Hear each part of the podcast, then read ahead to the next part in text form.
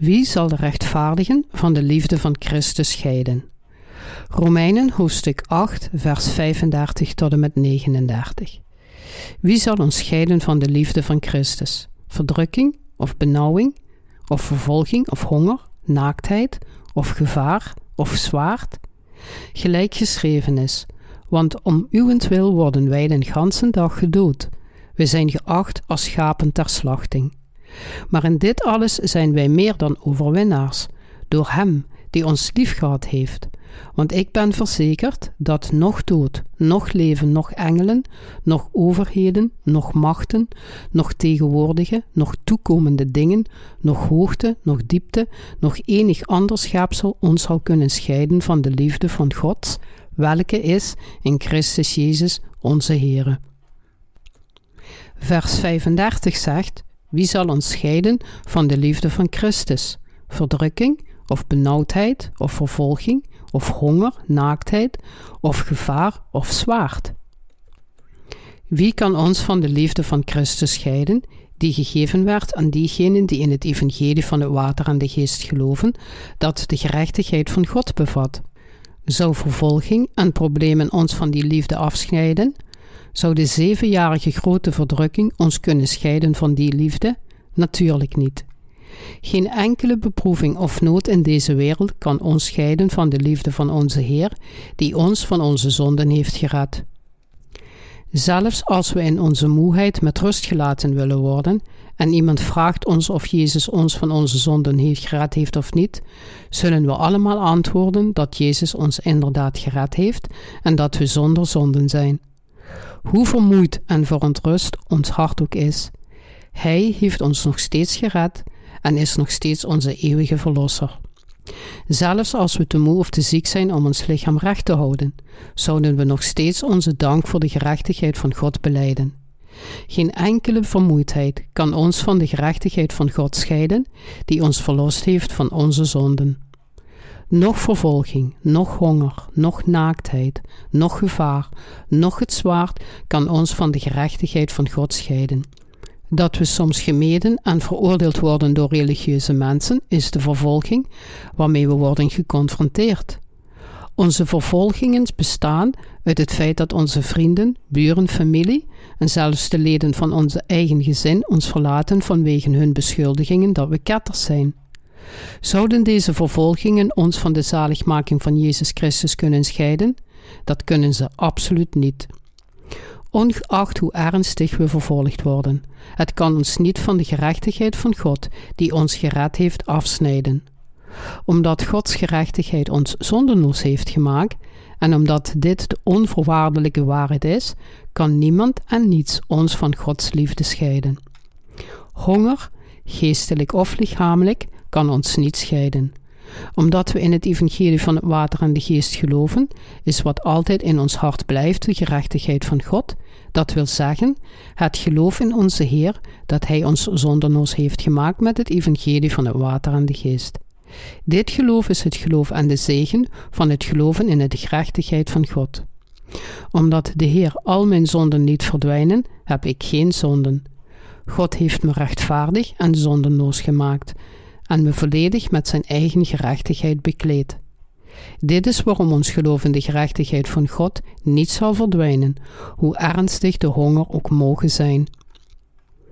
De gerechtigheid van God door het evangelie van het water en de geest. Tenzij iemand in het evangelie van het water en de geest gelooft, is er nog steeds zonde in zijn of haar hart. Maar iemand die in de gerechtigheid van God gelooft, heeft geen zonden.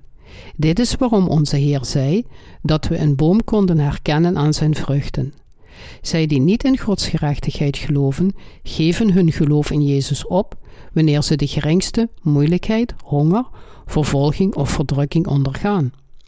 Er zijn mensen die denken: hoewel Jezus aan het kruis veroordeeld werd voor mijn zonden, werd alleen de erfzonde weggenomen en moet ik dagelijks om vergeving bidden voor de andere zonden die ik elke dag bega.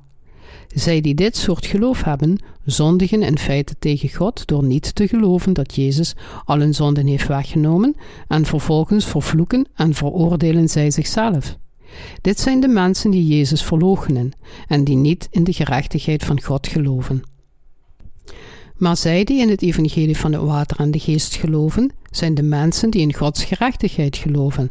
En ongeacht de omstandigheden waarmee ze worden geconfronteerd, zullen ze stevig aan hun geloof vasthouden, terwijl ze zeggen: God heeft mij zeker geraad van alle zonden van de wereld. Ik ben zondenloos. Zelfs als we in de laatste dagen van onze geestelijke honger de dood in de ogen zien, zullen we nooit ontkennen dat God ons zondeloos heeft gemaakt en dat we zijn volk zijn geworden. De gerechtigheid van God, die al onze zonden heeft weggenomen, zal altijd in ons hart blijven als ons geloof. Het evangelie van het water en de geest is zo machtig en geweldig. Ongeacht het soort beproevingen waarmee we in ons leven worden geconfronteerd, omdat het de gerechtigheid van God in Christus is, zullen we nooit gescheiden worden van de liefde van Christus. Wat wordt er bedoeld met naaktheid in de bovenstaande passage? Naaktheid verwijst naar het verliezen van al onze bezittingen. Tot de middeleeuwen als er problemen waren in hun dorp en in land in Europa, hielden mensen zich vaak bezig met heksenjachten, waarbij ze zondebokken gebruiken om de schuld van alle problemen aan door te geven. Dan namen ze de mensen alles af en beschuldigden hun van ketterij. Daarom gebruikte Paulus het woord naaktheid hier. In die tijd was het mogelijk om iemand van ketterij te beschuldigen en met slechts één of twee getuigen de beschuldigde te veroordelen tot de baanstapel, al zijn of haar bezittingen in beslag te nemen en zijn of haar reputatie uit te wissen. Zelfs als we op zo'n manier tot onze naaktheid worden gedreven, alles verliezen wat we bezitten en gedood worden, zal de gerechtigheid van God, die in zijn liefde voor ons al onze zonden wegnam, nooit van ons verdwijnen. Dit is hoe compleet het evangelie van het water en de geest is. Nog gevaar, nog het zwaard kan ons van de liefde van Christus scheiden. Zelfs als we door het zwaard geslagen worden en erdoor gedood worden, hebben wij die geloven geen zonden. Veel christenen in de vroege kerk werden er valselijk van beschuldigd Rome in brand te hebben gestoken. En zij werden publiekelijk geëxecuteerd in het Colosseum door ze voor de leeuwen te gooien. Zelfs toen zij stierfden, loofden zij de Heer die hun verlost had. Ze waren in staat de Heer te loven, omdat zij in het evangelie van het water en de geest geloofden. Zij die verlost zijn door in het evangelie te geloven, dat God hun lief heeft en al hun zonden heeft weggenomen, kunnen de Heer loven, zelfs als zij gedood worden en door de leeuwen gegeten. Deze kracht komt van het geloof in Gods gerechtigheid en in zijn liefde, die al onze zonden heeft weggenomen. Het is omdat God in ons is, tot ons spreekt, ons sterk houdt, ons beschermt en ons troost, dat zo'n kracht kan worden gevonden. Nog gevaar, nog het zwaard, nog bedreiging, nog martelaarschap kunnen ons van de liefde van God scheiden. Zij die in het evangelie van de water en de geest geloven, zijn de mensen die in de gerechtigheid van God geloven en die het volk van Christus zijn.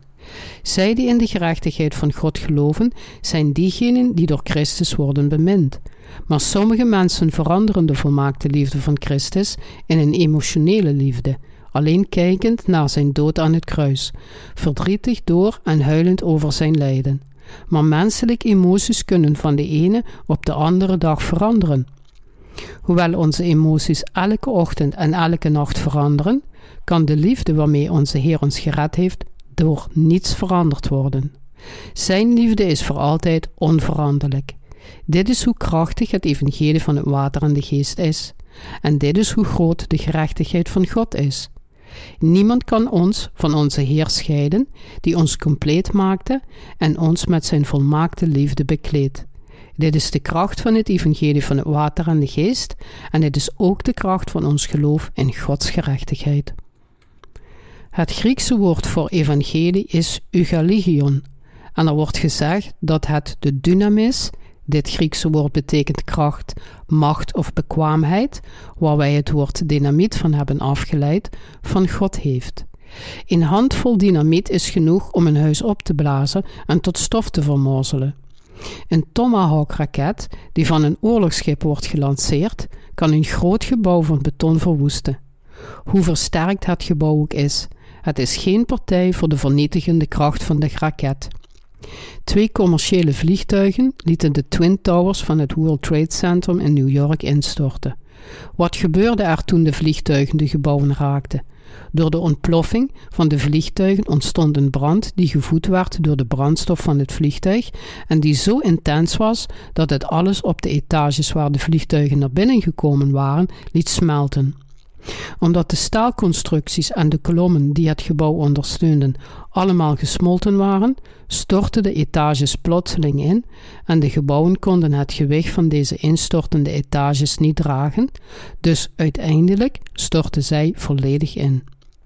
Als de etages langzaam naar beneden gekomen waren, waren de gebouwen niet ingestort maar omdat de etages plotseling en snel naar beneden vielen, stortten de kolommen en de andere ondersteunende constructies in en de hele gebouwen, zoals we allemaal zagen, kwamen in enkele seconden naar beneden. De kracht van Gods evangelie is die van het evangelie van het water en de geest. Het is ook de kracht die zijn gerechtigheid in zich heeft. Misschien is het niet zo gepast om deze tragedie te gebruiken om Gods gerechtigheid te illustreren, maar de kracht van het evangelie van het water en de geest, die door de gerechtigheid van God is gegeven, is net als dynamiet dat alle zonden kan uitwissen. De gerechtigheid van God is dat onze Heer ons gered heeft door al onze zonden weg te nemen, door naar deze aarde te komen, gedoopt te worden, aan het kruis te sterven en van de dood te herrijzen. Het evangelie van het water en de geest is de gerechtigheid van God waarmee Jezus alle zonden heeft weggenomen die de mensheid heeft begaan, vanaf het begin van het universum tot het einde. Daarom kan niets God scheiden van diegenen die door hem worden bemind, door een verlossing, door een geloof in het evangelie van de gerechtigheid van God. Paulus geloofde ook in Gods gerechtigheid. Kunnen we dan Gods gerechtigheid ontvangen door het evangelie van alleen het bloed aan het kruis? Nee, dat kunnen we niet. We kunnen niet de gerechtigheid van God ontvangen door alleen in het evangelie van het bloed aan het kruis te geloven. Zij die anders denken, zullen bij de geringste provocatie gemakkelijk hun geloof in Jezus opgeven. Als hun aardse bezittingen bijvoorbeeld weggenomen worden, of als zij op hun werk moeilijkheden tegenkomen vanwege hun religieuze geaardheid, zullen zij gemakkelijk bezwijken om hun geloof te verloochenen. Dit is een onvermijdelijk resultaat en het is van toepassing op veel christenen. Zij die, door niet in het evangelie van het water en de geest te geloven, de Heilige Geest niet in hun hart hebben en niet verlost zijn van al hun zonden, zullen bij de geringste dreiging capituleren. De reden waarom het christendom van vandaag zo zwak is in deze wereld, is vanwege dit geloof dat beperkt is tot alleen het bloed aan het kruis. Dit soort geloof heeft de gerechtigheid van God niet ontvangen door het evangelie van het water en de geest. Een rechtvaardige gelovige die verlost is van zijn of al haar zonden door de gerechtigheid van God te ontvangen, kan voor veel zielen werken. Aangezien hij of zij in het evangelie van het water en de geest gelooft en de Heilige Geest heeft, en omdat God met hem of haar is in zijn woord, kan die persoon veel geestelijke werken doen en vele verloren zielen terugbrengen naar God. Dit is het geloof in de gerechtigheid van God, het geloof in het evangelie van het water en de geest. Het evangelie van het water en de geest wordt door God gegeven, niet door onze eigen werken, en dus is het ook door God dat we zijn werken kunnen doen. Vers 36 zegt: Gelijk geschreven is: want om uwentwil worden wij den ganzen dag gedood.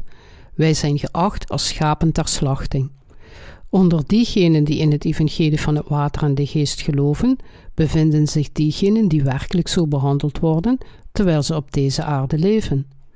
Gelovigen in het evangelie van het water en de geest worden in feite vaak gehaat door anderen, vooral door diegenen met een verkeerd geloof, die beweren zelf christenen te zijn. De wedergeboren christenen worden, met andere woorden, meer gehaat door de nominale christenen dan door boeddhisten. Deze passage, dat om uwentwil worden wij den ganzen dag gedood, we zijn geacht als schapen ter slachting, is het woord van God gesproken tot de gelovigen in het evangelie van het water en de geest. Zelfs onze Heer werd geacht als schapen ter slachting, door de wil van de Vader te volgen met zijn doopsel en dood aan het kruis. De Heer heeft ons gered door naar deze aarde te komen en zo te leven. De gerechtigheid van God heeft alle zonden van de wereld overwonnen. Vers 37 zegt: Maar in dit alles zijn wij meer dan overwinnaars, door Hem die ons liefgehad heeft. Hoe kunnen we al deze dingen overwinnen? We eisen onze overwinning door de kracht van ons geloof in Gods liefde. Iemand die in het evangelie van het water en de geest gelooft, heeft de kracht van God. Maar iemand die niet in het evangelie van het water en de geest gelooft, heeft alleen zonde in zijn of haar hart. Het geloof en de zaligmaking van diegenen die met zonden zijn, kan alleen op en neer gaan vanwege hun emoties, en dus hebben zij geen kracht. Maar zij die in het evangelie van het water en de geest geloven, hebben de kracht. Ze hebben geen kracht van zichzelf, maar ze hebben de kracht van het evangelie dat God hun gegeven heeft, en met deze kracht kunnen zij alle vervolgingen en beproevingen weerstaan en overwinnen. De rechtvaardigen moeten in geestelijke strijd aangaan tegen zondaars en het evangelie van het water en de geest aan hen prediken. De rechtvaardigen moeten ook accepteren dat ze leven en vervolgd worden door het evangelie als een natuurlijk lot. Een leven dat leeft voor de Heer is ons lot. Een Oosters spreekwoord zegt: Als iemand een dag niet zou lezen, zal hij stekende woorden spreken. En wij dan? Ook wij zijn geneigd tot corruptie over te gaan als we een dag voorbij laten gaan zonder voor God en zijn evangelie te leven. Dit is hoe we ons leven moeten leven tot onze dood.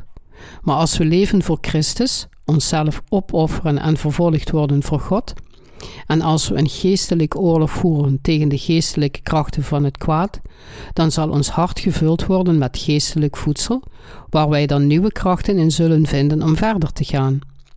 Als christenen vallen, is dat omdat zij niet voor de Heer hebben geleefd. Maar als we voor de Heer leven, zullen onze geestelijke krachten zich versterken en onze lichamelijke gezondheid en kracht zal ook sterker worden. Versen 38 en 39 zeggen: Want ik ben verzekerd dat nog dood, nog leven, nog engelen, nog overheden, nog machten, nog tegenwoordige, nog toekomende dingen, nog hoogte, nog diepte, nog enig ander schepsel ons zal kunnen scheiden van de liefde Gods, welke is in Christus Jezus, onze Heere. Als een gelovige in het evangelie van het water en de geest was Paulus hiervan overtuigd. Dezelfde waarheid geldt voor ons. Nog de dood, nog het leven kan ons van Christus scheiden. In de oudheid probeerden diegenen die werkelijke macht uitoefenden, zoals de Romeinse keizers, christenen ervan te overtuigen om hun het geloof af te zweren en hun medegelovigen aan te geven bij de autoriteiten door allerlei verlokkingen aan te bieden, zoals hoge functies, vrouwen en bezittingen, allemaal in ruil van hun verloochening. Maar de ware gelovigen in het evangelie geven zich nooit over aan de verleiding van macht, bezit of eer. Geloof is niet iets dat kan worden ingewisseld voor wat de wereld te bieden heeft. Als iemand een blanco cheque zou laten zien en tegen ons zou zeggen: Ik zal u deze cheque geven als u stopt met de verspreiding van het evangelie, zouden we door onze hoop voor de toekomst en ons sterke geloof in God kunnen antwoorden: U zult het zelf nodig hebben, dus geef het uit. Voor mij is het niets meer dan een stukje papier.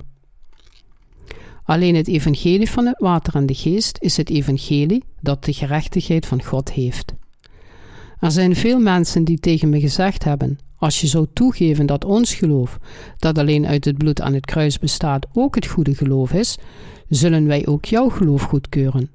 We zullen dan niet alleen stoppen met je van ketterij te beschuldigen, maar we zullen je ook werkelijk helpen. Vooral deze zogenaamde religieuze leiders hebben we mij dergelijke compromissen gezocht. Maar de gerechtigheid van God is nauwkeurig en zeker, gemeten aan zijn woord. Wat verkeerd is, is verkeerd. En wat de waarheid is, dat is de waarheid.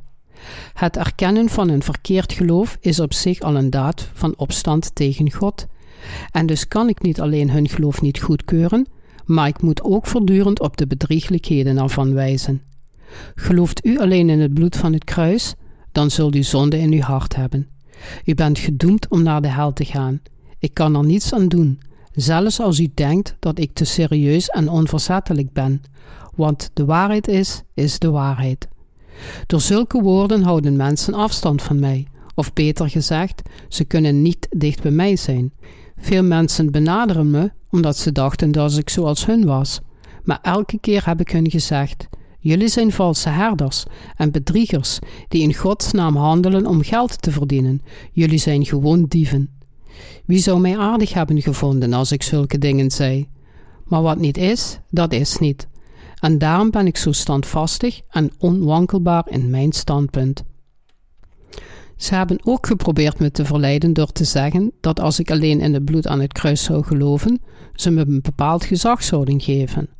Maar als zoals de bovenstaande passage zegt, nog tegenwoordige, nog toekomende dingen, nog hoogten, nog diepten, nog enig ander schepsel, hebben wij geen enkel gezag, hoogten, nog diepte nodig. We hebben de helende kracht die sommige bedriegers beweren te hebben niet nodig. En diegenen onder ons die wedergeboren zijn, hebben zulke dingen niet nodig en we houden er niet eens van. De passage zegt ons ook dat nog enig ander schepsel ons van de liefde van God en onze Heer Jezus Christus kan scheiden. Zelfs als er buitenaardse wezens in dit universum waren, zouden zij ons niet van de liefde van God, die ons gered heeft, kunnen scheiden. Er zijn christenen die geloven in het bestaan van buitenaardse wezens. Zelfs onder predikanten geloven velen in hun bestaan. Maar er bestaat niet zoiets als een buitenaards wezen. Toen ik naar het seminarie ging, geloofde een van mijn professoren, die Grieks doseerde, in het bestaan van buitenaardse wezens. Dus vroeg ik hem: Kunt u uw geloof onderbouwen met bewijs uit de geschriften? Hij vond natuurlijk geen antwoord op mijn bezwaar. Er zijn absoluut geen buitenaardse wezens. God hield zoveel van de wereld dat hij ons zijn eigen enig geboren zoon gaf. Als er inderdaad buitenaardse wezens waren, zou het voor Jezus niet nodig zijn geweest om alleen op deze aarde geboren te worden. Na enorme investeringen en onderzoek hebben we de maan al kunnen bereiken. En onze zondes zijn zelfs op Mars geland. Maar we hebben geen enkel bewijs gevonden dat aantoont dat er levensvormen buiten de aarde bestaan. Ik kan u op basis van de geschriften vol vertrouwen verzekeren dat we nooit buitenaardse wezens zullen vinden, hoe ontwikkeld de wetenschappelijke en theologische capaciteiten van de mensheid ook mogen worden. De Bijbel zegt ons ook dat nog enig ander schepsel ons van de liefde van God in onze Heer Jezus Christus kan scheiden. Wat is dan deze liefde van God? Dit is niets anders dan het evangelie van het water en de geest. Dit is Gods liefde. De zaligmaking die ons gered heeft en ons zonderloos maakte met het evangelie van water en de geest, is de liefde van God en niets kan ons van deze liefde scheiden. Paulus spreekt opnieuw over geloof in hoofdstuk 9, maar het is in zijn conclusie van hoofdstuk 8 waar het toppunt van het geloof wordt bereikt. Hoofdstukken 1 tot en met 8 van het boek van Romeinen vormen een thema en met hoofdstuk 8 als afsluitend hoofdstuk wordt hier het hoogtepunt van het geloof bereikt. Zoals het woord van God ons in hoofdstuk 8 laat zien, kunnen alleen zij die in het evangelie van het water en de geest geloven, onafscheidelijk van de liefde van God worden.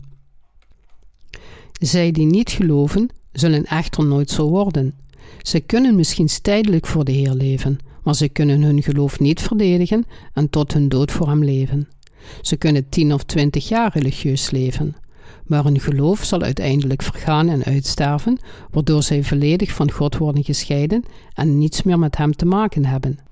Het is niet dat hun werken niet goed zijn, maar dat de liefde in hun hart voor Christus zal verdwijnen.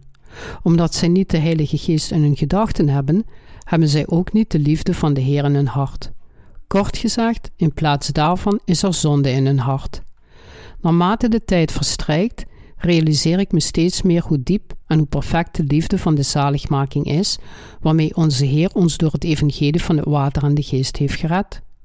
Toen ik de Heer voor het eerst ontmoette, was de diepte van mijn waardering voor Christus' liefde rustig en kalm, zoals een steen die in een meer wordt gegooid en kleine, nauwelijks merkbare golfjes veroorzaakte. Mijn reactie was slechts een rustige bewustwording van het feit dat Jezus al mijn zonden had weggenomen en dat ik dus zondenloos was geworden. Maar terwijl ik sindsdien het evangelie predik, zijn de golven in mijn hart onvoorstelbaar groter en dieper geworden, alsof een bom in mijn hart is ontploft. Wie zegt dat wij alleen in het bloed aan het kruis moeten geloven? Zei Paulus dit? In het boek Romeinen sprak Paulus duidelijk en ondubbelzinnig over het evangelie van het water en de geest. Of weet gij niet dat zoveel als wij in Christus Jezus gedoopt zijn, wij in zijn dood gedoopt zijn? We zijn dan met hem begraven, door den doop in den dood, opdat gelijkerwijs Christus uit den doden opgewekt is tot de heerlijkheid des Vaders, also ook wij in nieuwigheid des levens wandelen zouden. Romeinen hoofdstuk 6, vers 3 en 4. Is dit evangelie van het water en de geest niet buitengewoon groot en door en door perfect?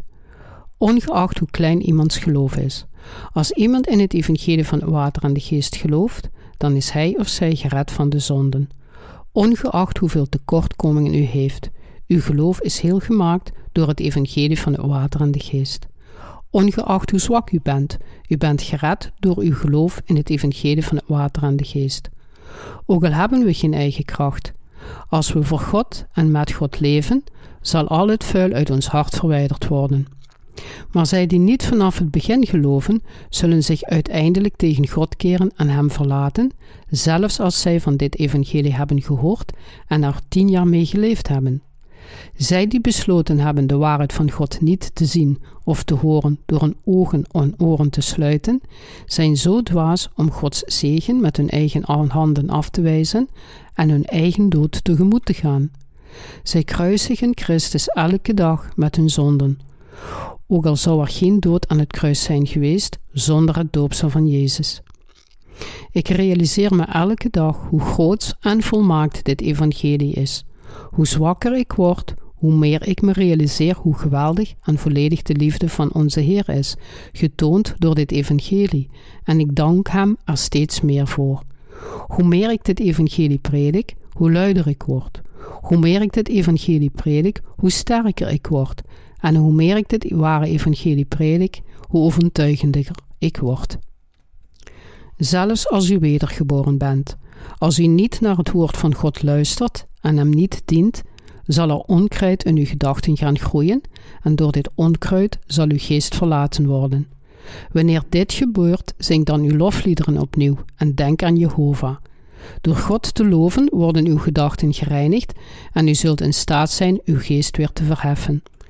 U zou uw geest moeten schudden om het te ontdoen van alles dat onrein is en uw hart opnieuw te vernieuwen door het te vullen met het woord van God. Onze harten zijn al gereinigd, maar wanneer de onreinheden van de wereld onze gedachten binnendringen en ons proberen te verwarren en te desoriënteren, kunnen we God aanbidden en opnieuw tot Hem bidden door lofliederen voor de Heer te zingen, onze harten te vernieuwen en te verheffen. Waar we ons ook bevinden, God loven is een vreugdevolle en opwindende ervaring. Er is geen zonden in de geest van diegenen die verlost zijn, dus lofprijzing en vreugde komen natuurlijk uit de gedachten. De lofliederen van onze vreugdevolle harten kunnen het onkruid dat in onze gedachten groeien laten verdwijnen. Soms wordt onze zwakheid geopenbaard, omdat onze gedachten en gevoelens gemakkelijk kunnen veranderen door verschillende omstandigheden, hoewel we misschien gelukkig en in een goede bui zijn, als we bij onze broeders in Christus zijn, kunnen we onreine en onzuivere gedachten hebben als we alleen zijn. Daarom riep Paulus uit toen hij naar zijn eigen vlees keek: Ik ellendig mens, wie zal mij verlossen uit het lichaam deze doods? Ik dank God door Jezus Christus, onze Heere. Romeinen hoofdstuk 7, vers 24 en 25. Paulus was heel geworden doordat hij gered was door het evangelie van het water en de geest, ook al was hij nog steeds zwak in zijn vlees. Was Paulus de enige die zo was?